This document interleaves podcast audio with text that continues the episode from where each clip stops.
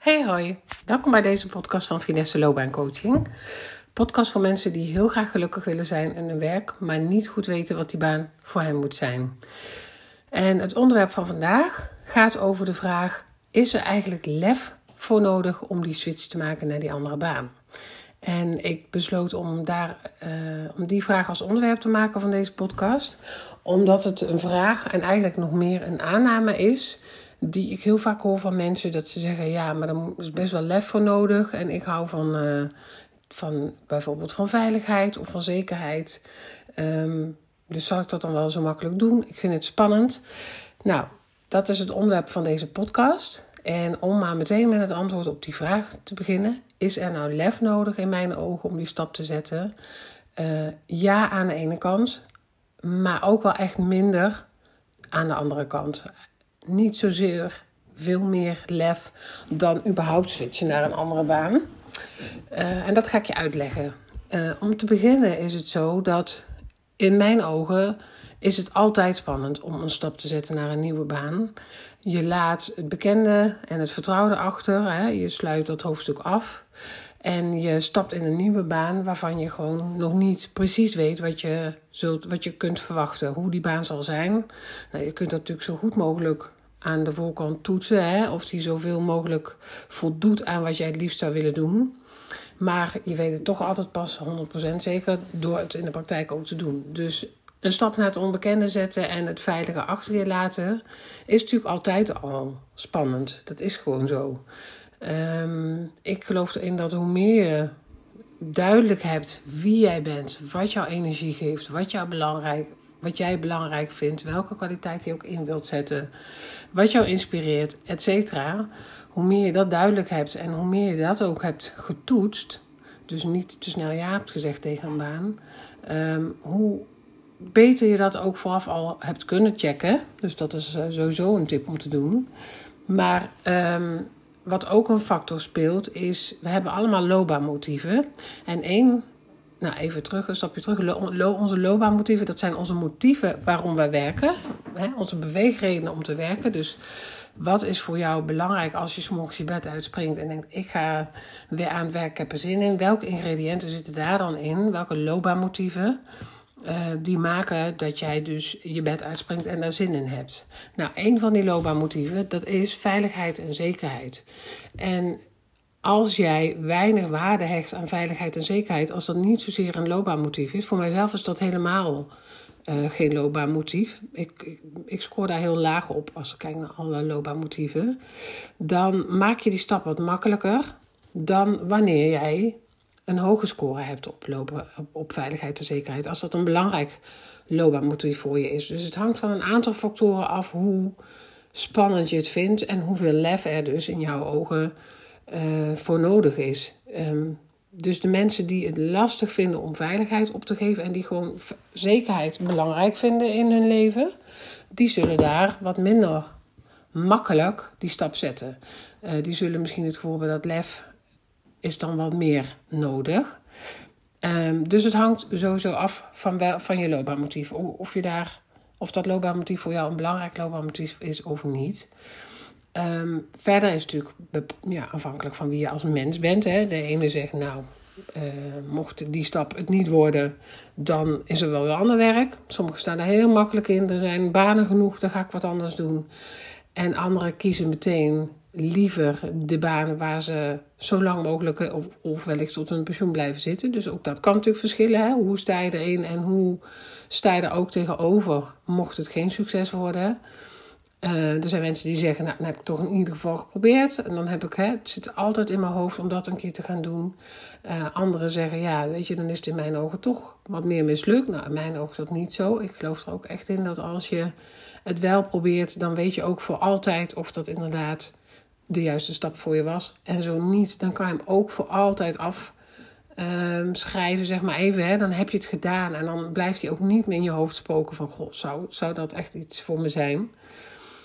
Um, en het is goed om te weten dat ons brein doet ook een stapje mee. Die doet daar een schepje bovenop. Ons brein houdt van het bekende, het vertrouwde, behoedt ons voor risico's, voor onzekerheden. Dus ons brein zal ook proberen um, ja, dat wat te temperen.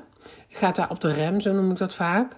En ehm, dus gewoon goed om te weten dat dat voor elk mens meespeelt. Dus dat is eigenlijk alle uh, ja, informatie, dat zijn eigenlijk alle redenen die wijzen op ja. Natuurlijk is daar lef voor nodig, maar nogmaals, een baan achter je laten, dat is toch al een stap die spannend is. Dus in die, in die zin ja, zul je dat ook hebben als je switcht naar een baan die bijvoorbeeld precies ligt op het gebied van waar je nu werkt. Waarom het ook voor mij nee is, nou, dat is eigenlijk een beetje wat ik net zei. Hè? Ehm, niet zozeer, want elke stap is spannend. Deze stap is dan misschien spannender. Maar wat hier een hele belangrijke is, en uh, dat is ook eigenlijk meteen een manier om dat spannende en dat lef um, wat minder nodig te maken. En dat is door voor jezelf heel goed duidelijk te hebben: wat zou je nou precies willen doen en hoe kom je daar? We vinden die stap vaak spannend. Um, op het moment dat we nog niet goed weten wat die baan moet zijn. Of, hoe, of hoe we daar dan komen. Ik hoor heel vaak dat de mensen die de aanname doen van ja, daar is toch wel lef voor nodig. En ik ben gewoon niet zo'n leftype. Um, die doen dat op een punt dat ze of gewoon nog niet goed duidelijk uh, weten wat ze willen. Of niet weten hoe ze daaraan komen. En dat is gewoon hele wezenlijke informatie. Om het gevoel van spannend en risico en lef veel kleiner te maken. Um, op het moment. Hè, het, het, wat en het hoe zou ik echt uit elkaar trekken. wat moet die baan zijn? Dat is een vraag. En hoe kom ik daar? Dat is een hele andere vraag. Die twee zou ik zo lang mogelijk uit elkaar trekken en pas nadenken over hoe kom ik daar. Als je ook weet wat die baan moet zijn. Want het hoe, zodra je met het hoe aan de slag gaat, vertroebelt het sowieso het duidelijk krijgen van wat moet die baan nou zijn. Dus begin eerst met duidelijk te krijgen wat zou je dan willen doen wat is dan een echte optie voor je? Uh, en als je dat duidelijk hebt, dan komt het hoe. Hoe kom ik bij die baan? En daar zit ook voor heel veel mensen vaak het stuk spannend. Ze zeggen, ja, geen idee. Dan ga ik het bekende gebied loslaten en dan ga ik een heel nieuw gebied in. Maar hoe kom ik dan bij die baan? Ik heb geen werkervaring. Um, dus het hoe ja, is natuurlijk heel belangrijk, maar het is ook gewoon dat het hoe kun je heel goed in kaart brengen. Je kunt heel goed in kaart brengen hoe de route zal zijn naar de nieuwe stap. Dat doe ik ook doorlopend met mensen. En wat ik elke keer weer zie, en daarom is dat voor mij ook echt een bevestiging dat er helemaal niet zoveel lef nodig is als dat je vooraf misschien denkt. Uh, op het moment dat jij duidelijk krijgt hoe je bij die baan komt, dan zie ik mensen gewoon elke keer echt in de vijfde versnelling gaan. Um, dat doen we ook samen. We kijken dan van, nou, hè, wie heb je bijvoorbeeld in je netwerk waar je eens mee kunt gaan praten? Welke bedrijven ken je? Welke bedrijven zou je willen werken? Um, nou, dat is een heel ander onderwerp. Hè? Hoe kom je dan bij die baan? Nou, dat kan op allerlei verschillende manieren. Daar heb ik ook um, een andere podcast over opgenomen. Dat je wat, en het hoe ook uit elkaar moet trekken. Daar gaat hij wat meer over. Maar uh, wat ik elke keer weer zie, is als dan mensen duidelijk hebben, niet alleen wat moet die baan zijn, maar ook hoe kom ik daar. Als we die route hebben uitgestippeld, dan is het helemaal niet zo spannend. Want dan voel je van ja, maar dit is gewoon echt wat ik wil doen. Dit is waar ik heel blij van word. En ondanks dat ik er geen ervaring in heb, ik ga ervoor. Ik heb er zin in. Ik wil dit. Ik word hier blij van. Um, ik, ik, ik zorg met mensen ook altijd dat we in die arbeidsmarkt hebben getoetst. Dus dat is ook meteen een tip voor jou. Dat we in die arbeidsmarkt hebben getoetst. Wat houdt die baan dan in? Heel vaak vormen we alle ideeën in ons hoofd. Denken we erover na. Uh, hebben we van alles bedacht. Maar ga het ook toetsen. Ga eens vragen bij een bedrijf of je eens mee mag kijken. Of ga gewoon wat sollicitaties de deur uitdoen en op gesprek voor die functie. Het gebeurt best vaak dat mensen dan ontdekken van... Hmm, ik had daar een beeld bij wat of niet klopt... of ze ontdekken dat het een bevestiging is... en dat ze zeggen, ja, dit is precies wat ik hoopte.